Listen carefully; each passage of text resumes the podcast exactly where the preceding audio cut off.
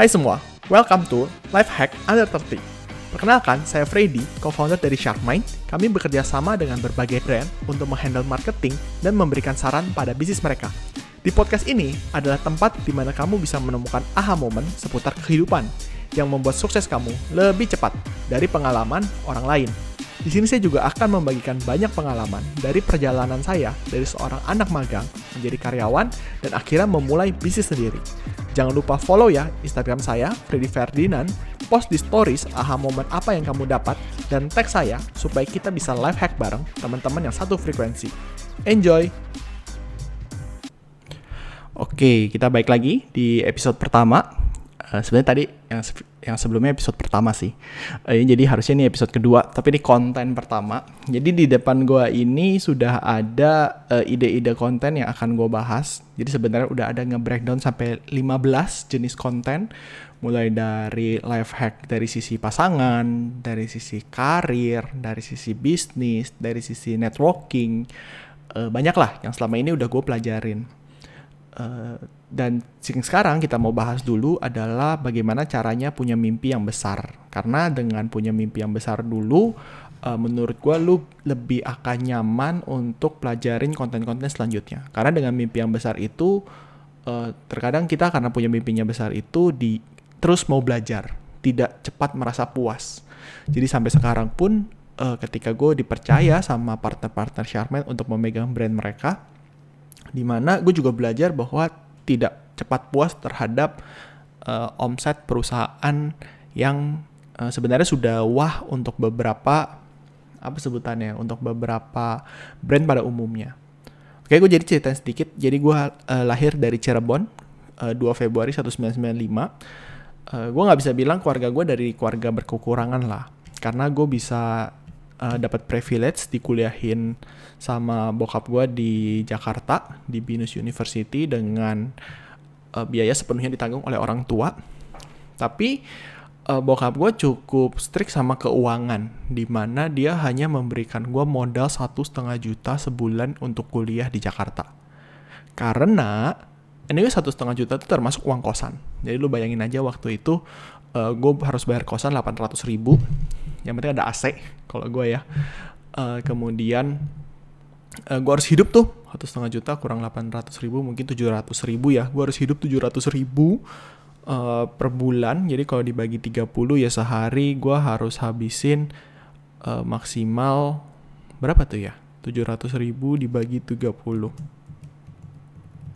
Ntar gue sambil ngitung, nggak ada editing banget nih. Jadi sehari gue harus habisin 23 ribu. Nah, bisa nggak? Bisa. Jadi kalau lu tinggal di Binus, lu pasti uh, tahu tempat-tempat yang gue bisa sebutin gitu ya. Ada namanya uh, Warteg Awe, itu kayak dulu nasi tahu tempe tuh 6000 terus ada bubur. Itu waktu itu sih 6000 sih. Mungkin sebelum ada invasi binus ya. Uh, di mana kalau orang tanya kok lu senang banget makan bubur? Enggak bro. Murah soalnya. Terus ada juga uh, awe eh sorry awe aka aka restoran jadi di mana ketika uh, malam setengah 10 itu gue harus datang untuk makan karena dapat diskon 50% uh, jadi cuma bisa dapat makan nasi ramas 7000 gitu ya. Uh, tapi kalau barangnya lagi habis itu ya nggak makan. Nah kenapa gue nggak mau jual kisah sedih atau gimana? Tapi lebih kepada kenapa gue bisa kayak gini? Karena kakak gue itu dapat modal di kuliah di binus itu satu juta sebulan. Jadi buat dia Freddy itu lebih baik. Dapat satu setengah juta. Karena kakak gue itu memang sudah berbisnis dari dia uh, SMA gitu. Sehingga menurut pandangan bokap gue adalah uh, ya kalau kakak gue satu juta sebulan mampu ya Freddy harusnya satu setengah juta mampu gitu ya. Nah di itu itu gue sangat menghargai makanan sekali sih. Jadi kalau orang tanya uh, apa sih definisi kebahagiaan lu? Sebenarnya ketika gue suka ngobrol sama istri gue ya kalau gue paling bahagia itu gue bilang sama dia sesekali uh, gue suka makan ke sate khas Nayan SKS gitu ya di mall bukan karena gue suka nasi kuningnya bukan karena gue suka satenya, tapi gue merasa jadi orang kaya ketika gue makan sate Kasnayan. Karena gue bisa makan nasi kuning harga 40 ribu sampai 60 ribu, yang di mana mungkin kalau gue dulu masih kuliah, itu budget makan gue 4 hari, 5 hari deh. Jadi gue dulu tuh harus kayak, se, se, kalau diajak makan ke mall tuh nggak bisa itu. Nah, bokap gue itu kasih gue challenge. Jadi gue ingat banget ada satu acara. Gue sangat aktif di organisasi kampus. Jadi uh, ketika gue aktif di organisasi kampus itu, gue jadi nggak punya uh, second business sih. Karena terlalu asik di organisasi kampus. Namanya Binus Computer Club. Itu uh, buat gue sih itu organisasi kampus terbaik ya. Karena organisasi kampus itu dong yang gue ikutin. nah, bokap gue telepon gue, terus dia bilang, uh, lu harus uh, papa kasih kamu waktu tiga tahun untuk sukses sukses di Jakarta. Kalau kamu tiga tahun nggak sukses di Jakarta, kamu pulang, kamu jaga toko. Papa sudah uh, siap modalin kamu untuk buka toko di Cirebon. Jadi ini kalau lu pernah nonton film cek toko sebelah itu mirip lah ceritanya kayak gitu deh. Nah uh, di situ gue pusing karena di satu sisi uh, gue apa ya sebutannya? Gue nggak mau pulang ke Cirebon dan menghabiskan waktu gue di Cirebon hanya untuk menjaga toko. Karena buat gue itu nggak seru lah nggak asik. Uh, gue suka dengan karena gue organisasi kampus ya gue suka hal-hal yang berbau dengan organisasi membangun sistem dan lain-lain. Nah kenapa bokap gue bisa kasih gue seperti itu? Karena dia melihat saudara-saudara itu rata-rata seperti itu. Di mana saudara gue kebanyakan rata-rata buka toko ya. Jadi kalau lu merasa uh, dapat tuntutan dari orang tua, itu bisa jadi karena orang tua lu yang melihat definisi kesuksesan tuh seperti itu. Dan definisi itu bisa berbeda dengan yang lu punya. Gitu. Jadi gue pernah nonton satu video uh, Indra Jegel sama uh, Cing Abdel di video YouTube-nya. Mereka ngobrol bahwa si Indra Jagel itu dari Medan dan mimpi dia terbesar itu tuh jadi orang leasing uh, mobil ya atau motor ya. Karena dia melihat orang yang paling sukses di kota itu atau yang dia kenal setidaknya itu leasing motor karena bisa beli motor sendiri, motor gede sendiri gitu ya. Jadi dia merasa mentok-mentok pasti uh, di sana. Dia nggak pernah kebayang tuh hidup di Jakarta, apalagi sampai punya rumah di Jakarta gitu. Jadi sebesar-besarnya mimpi lu ya tergantung dari apa yang lu lihat di depan mata lu. Di mana gue merasa zaman sekarang ini, itu ya kalau gue boleh jujur ya, sangat keterlaluan sekali kita kalau nggak sukses sih. Kenapa? Karena kita nggak, karena orang-orang yang mungkin umur 30, 40, atau 50 tahun, itu nggak dapet privilege sebesar kita loh. Yang di mana kita bisa nonton rumahnya Raffi Ahmad tuh segede apa. Kalau gue lihat YouTube channelnya Boy William terus lihat rumah-rumah orang tuh kayak oh ada tuh ternyata orang sekaya ini. Dan isi rumahnya tuh seperti apa gitu ya.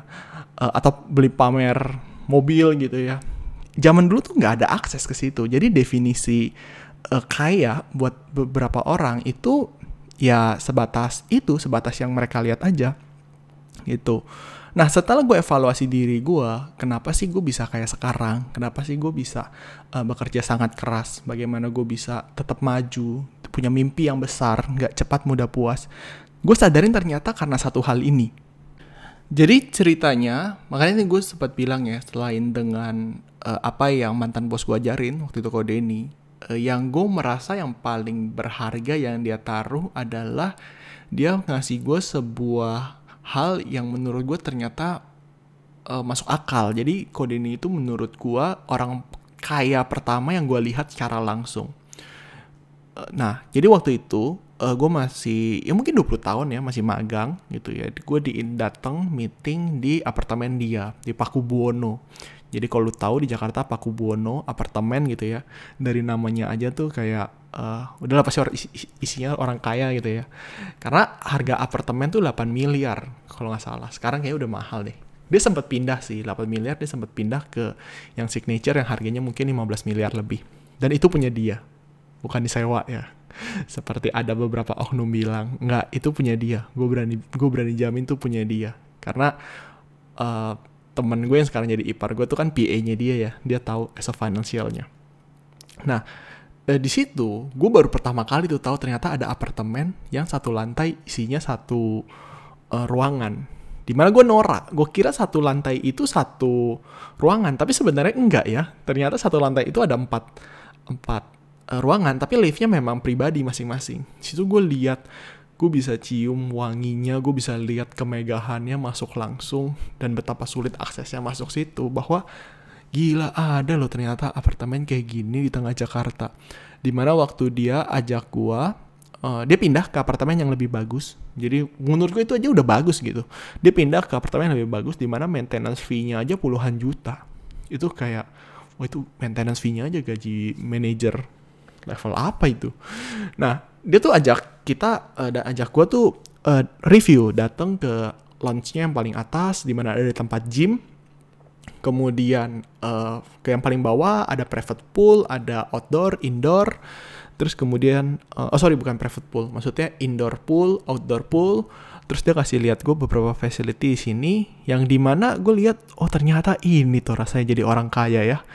Uh, padahal waktu itu mungkin gaji gue masih 4 juta sebulan gitu ya. Jadi gue tidak melihat sebagai eh gue kok kerja bikin kayak bos gue doang ya? Tapi kepada lebih uh, ini inspirasi bahwa oh gini tuh rasanya jadi orang kaya. Oh gini tuh ternyata rumah orang kaya ya. Nah uh, belum sampai situ doang kemudian ada sebuah acara di mana gue kan waktu itu ikut training ya. Gue suka uh, diajak dia ikut training ke Medan ke Surabaya. Di mana ada satu momen gue diajak datang ke rumahnya dia. Oh nujubila. Gue itu pertama kali gue ngeliat itu ternyata rumah orang kaya tuh kayak gitu loh. Dan gue dikasih nginep mungkin dua malam kali ya. Aduh gue gak pernah cerita ini sih. Gue malu banget mungkin kalau Kodeni uh, dengar podcast ini ya. Gue begitu noraknya. Gue tuh ini gue gak pernah cerita ke siapa pun sih. Bahkan istri gue aja eh, nggak uh, pernah gue ceritain. Jadi gue tuh sampai chat nyokap gue fotoin gue videoin terus gue chat nyokap gue gue bilang e, mah uh, someday Freddy akan punya rumah kayak gini nih. Uh, itu mungkin di tahun 2000 berapa ya? 2016 lah. Aduh gila gue mau ini pertama kali gue cerita gue kayak mau nangis cerita ini. Karena itu kayak gue gue kemarin sempet DM sih Kodeni kok rumahnya berapa? Karena gue penasaran nih kalau gue mau punya rumah kayak Kodeni itu gue butuh budget berapa? Dan harga rumahnya tau nggak eh harga rumahnya. Luas tanahnya. 1800 meter persegi. Gila itu kolam renang aja dia sempat post ya 100 meter persegi.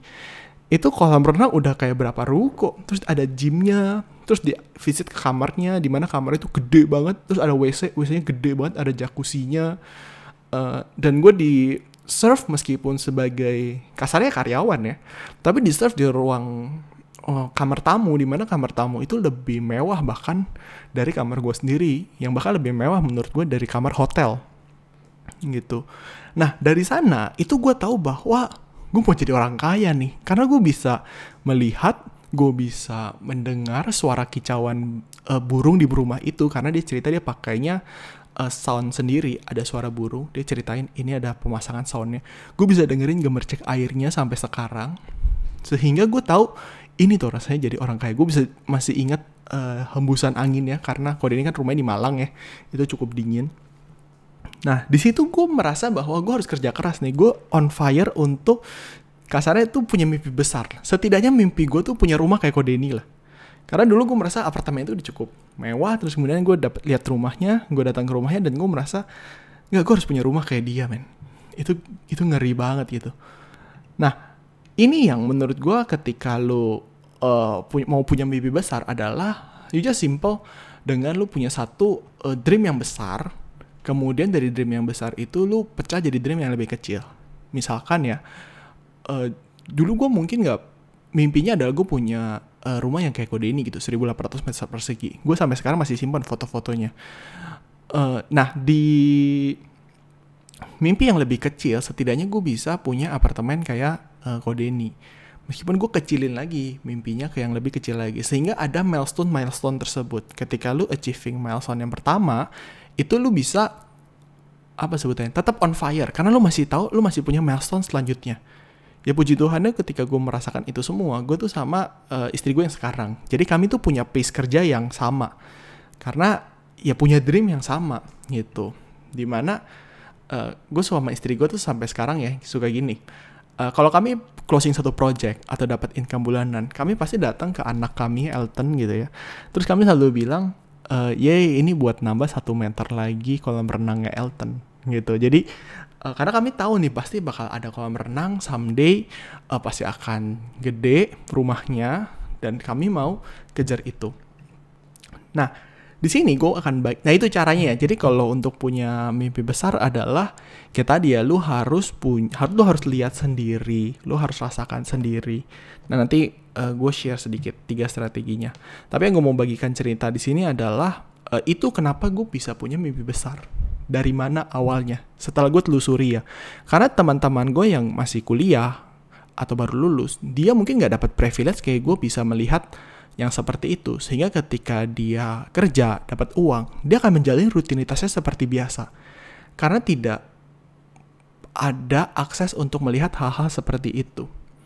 Nah, kalau lu udah ada akses, di mana sebenarnya sekarang udah pasti ada akses sih. Lu tinggal buka YouTube aja. Lihat rumah mewah, lihat apa, itu pasti udah dapat aksesnya lah untuk lihat. Nggak harus rumah nggak harus rumah mantan bos gua, tapi bisa jadi eh, rumah siapa pun itu, gitu ya. Nah, ini adalah tiga strategi yang lu bisa lakuin supaya uh, lu bisa capai mimpi lu. Di mana puji Tuhannya harusnya kalau sesuai target, uh, mungkin beberapa tahun lagi ya gue nggak bisa dapat belum bisa lah uh, sampai dapat 1800 meter persegi di Jakarta gitu ya. Uh, tapi setidaknya gue udah bisa bayangin dalam beberapa tahun ke depan harusnya milestone gue yang selanjutnya rumah setidaknya dengan kolam renang tuh bisa achieve lah. Nah ini ada beberapa strategi yang lu bisa coba, di mana gue juga lakuin ini dan beberapa orang yang gue kenal yang sukses juga itu ngelakuin ini juga. Oke, okay? Yang pertama adalah jangan nyinyir. Nah ini udah paling bener lah. Maksudnya ketika lu melihat segala sesuatu itu ya, kalau lu menghadapinya dengan nyinyir ya lu nggak akan ke mana-mana gitu. Kalau lu bilang, misalkan ini ya gue nggak bisa mengeneralkan ya bahwa lu orang seperti itu. Let's say netizen lah. Netizen itu kan sometimes suka nyinyir ya. Nyinyir dalam arti, ah lu dasar lu lahirnya anak orang kaya aja. Ya kalau dia lahir anak orang kaya terus kenapa? Sama seperti orang lahir terlahir berkekurangan, dia juga nggak bisa milih loh mau lahir dari rahim orang kaya atau rahim yang uh, berkekurangan gitu. Makanya kalau quote-nya Bill Gates itu kan uh, kalau lu lahir miskin bukan salah lu, tapi kalau lu matinya miskin ya itu salah lu gitu. Jadi kalau memang mereka punya privilege ya terus kenapa gitu? Iya kita lakuin aja yang terbaik karena dengan kita nyinyir itu malah membatasi uh, apa yang kita bisa pelajarin dari dia. Gitu. Yang kedua adalah jangan dibunuh dulu pikirannya, tapi cari caranya. Jadi misalkan ketika lu nonton YouTube itu ya, lihat orang yang rumahnya gede banget. Uh, ya paling gampang di sini konteksnya rumah deh. Karena definisi kekayaan kan bisa mobil, bisa apa, tapi menurut gua uh, rumah lah yang paling tergambar ya. Itu uh, lu harus jangan langsung bilang, ah ini mah mustahil deh, ah ini mah nggak mungkin deh atau lu cuma mengagumi dari jauh. Jadi jangan lu bunuh dulu pikiran lu untuk memiliki rumah itu. Tapi lu harus uh, apa sebutannya amini. Bukan cuma amini tapi nanti lu pakai strategi yang ketiga ini. Karena gue punya pengalaman gini. Uh, eh, gue nggak tahu sih temennya akan dengar atau enggak ya. Tapi gue masih ingat dan gue suka pakai ini. Gue suka pakai cerita ini untuk menceritakan bahwa sebegitu powerfulnya mulut dan uh, pikiran kita loh. Jadi waktu itu uh, eh, gue ma uh, kami tuh lupa deh masih SMA jadi gue tuh orang bego di sekolah uh, gue tuh hampir beberapa kali nggak naik kelas meskipun akhirnya naik kelas dan gue selalu duduk paling belakang di mana kami suka berkumpul untuk uh, sesama yang uh, males lah gitu ya. Nah ketika ujian itu ada satu teman gue di mana dia selalu bilang aduh gue udahlah gue udah pasti nggak naik kelas lah. Udahlah nggak mungkin lah gue nggak naik kelas lah. Tapi gue sama teman gue ini bertiga itu kami selalu yakin enggak kita pasti naik kelas. Sehingga apa yang kami lakukan? Yang kami lakukan adalah kami berusaha semaksimal mungkin dalam mencontek jadi mencontek kanan mencontek kiri mencontek depan mencontek belakang. Uh, sedangkan orang ini selalu berkata-kata yang seperti itu. Yang di mana sampai akhirnya di penghujung tahun uh, eh, gue dan temen tiga temen gue ini tuh naik kelas. Dan orang ini tuh uh, temen gue ini uh, sahabat baik gue ini gak naik kelas. Dan dia tuh protesnya tuh yang bikin gue cukup ketawa sih. Dia bilang e, gue kan sama begonya sama yang lain gitu. Kenapa gue dong yang gak naik kelas? Mereka gak naik kelas. Itu menurut gue is a powerful dari sisi kalimat dan kata-kata dan pemikiran ya. Karena ketika lu punya uh, membatasi kayak gitu lu akan menutup opsi atau kemungkinan atau usaha untuk mendapatkan itu. Beda dengan lu bukan cuman aminin, tapi lu uh, apa sebenarnya yakini bahwa lu bisa dapetin itu. Cuman belum tahu nih caranya gimana. Nah itu itu agak berbeda ya. Kayak misalkan uh, contohnya ya, gue di umur yang 26 tahun, gue punya mimpi someday gue bisa punya venture capital di mana gue bisa uh, invest bukan cuma perusahaan di Indonesia tapi juga di uh, luar negeri gue aminin dulu aja kalau lu tanya caranya gimana gue nggak tahu tapi gue yakini aja oh mimpi gue akan ke arah sana gitu. Itu yang harus lu lakukan dulu. Nah yang ketiga ini yang sangat penting sekali. Karena gue uh, dulu disekolahin sama mantan bos gue itu ke training NLP harga tradingnya tuh 35 juta 7 hari gitu ya. Dan ini dipakai untuk beberapa partner. Bukan partner ya sih teman yang gue kenal memang dia uh, kaya secara finansial. Kemudian uh, dia bisa dapat mimpi-mimpinya. Yaitu lu harus manfaatin 5 indera yang lu punya yang di mana ketika tadi lu dengar cerita gue tentang uh, gue bisa lihat sendiri tentang rumah mantan bos gue itu uh, sebenarnya menggunakan lima indera panca indera ini. Sehingga ketika kita punya visual tentang mimpi besar kita itu lebih apa sebutannya tergambarkan. Nah visual ini dalam arti uh, lu raba lu lihat lu dengar lu cium lu kecap gitu ya. Nah makanya waktu itu waktu gue datang gue tadi barusan bilang kan bahwa gue masih ingat bentuknya gue masih bisa dengar suara kicauan burungnya. Gue masih bisa dengar gemercik air uh, air terjun di situ. Terus kemudian gue masih bisa cium harumnya uh, Paku Buwono apartemennya gitu ya. Uh, kecap sih kayaknya gue nggak nggak sampai jilatin juga sih gitu ya. Nah ini yang lu harus lakuin. Jadi ketika lu punya mimpi besar misalkan uh, ya nggak salah lu datang aja ke pameran rumah, lu merasa mau punya mobil ini, lu datang aja ke pameran, meskipun kantong lu nggak ada, setidaknya lu bisa lihat, setidaknya lu bisa kecap, setidaknya lu bisa ada di balik setirnya untuk lu rasakan sendiri. Nah itu penting banget loh, karena itu akan ngedrive lu punya uh, bawah sadar untuk dapetin itu. Karena setidaknya lu udah nyicip, udah ada teasernya. Contohnya misalkan ya, uh, kemarin gue sama istri gue datang ke salah satu uh, Linden Park ya, dari yang punya Nava Park. Itu apartemen ya, bukan apartemen ya, rumah yang cukup mahal ya, hampir 20 miliar lebih deh.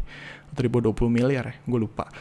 Uh, gue sebenarnya nggak ada niatan untuk ke sana maksudnya tinggal di sana gitu ya tapi gue datang hanya untuk melihat oh ini tuh rumah orang kaya gitu ya rumah yang benar-benar kaya sehingga uh, gue bisa tahu nih untuk rasanya punya rumah kayak gitu tuh gimana nah sampai sekarang itu gue setiap bulan pasti melewati satu komplek perumahan di Gading Serpong di mana gue sama istri gue punya mimpi uh, tinggal di sana jadi gue sama partner uh, sama saudara gue satu saudara gue dia punya kebiasaan untuk melakukan visualisasi ini seperti ini kayak gini.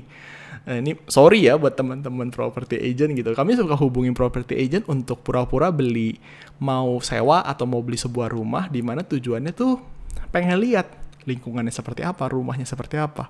Tujuannya hanya untuk memvisualisasikan mimpi rasanya itu seperti apa dengan lima panca indera ini. Semakin lu bisa lakukan itu secara rutin dan kemudian lu bisa lakuin, itu lu bisa uh, semakin secara bawah sadar untuk mendapatkan uh, mimpi besar lu itu.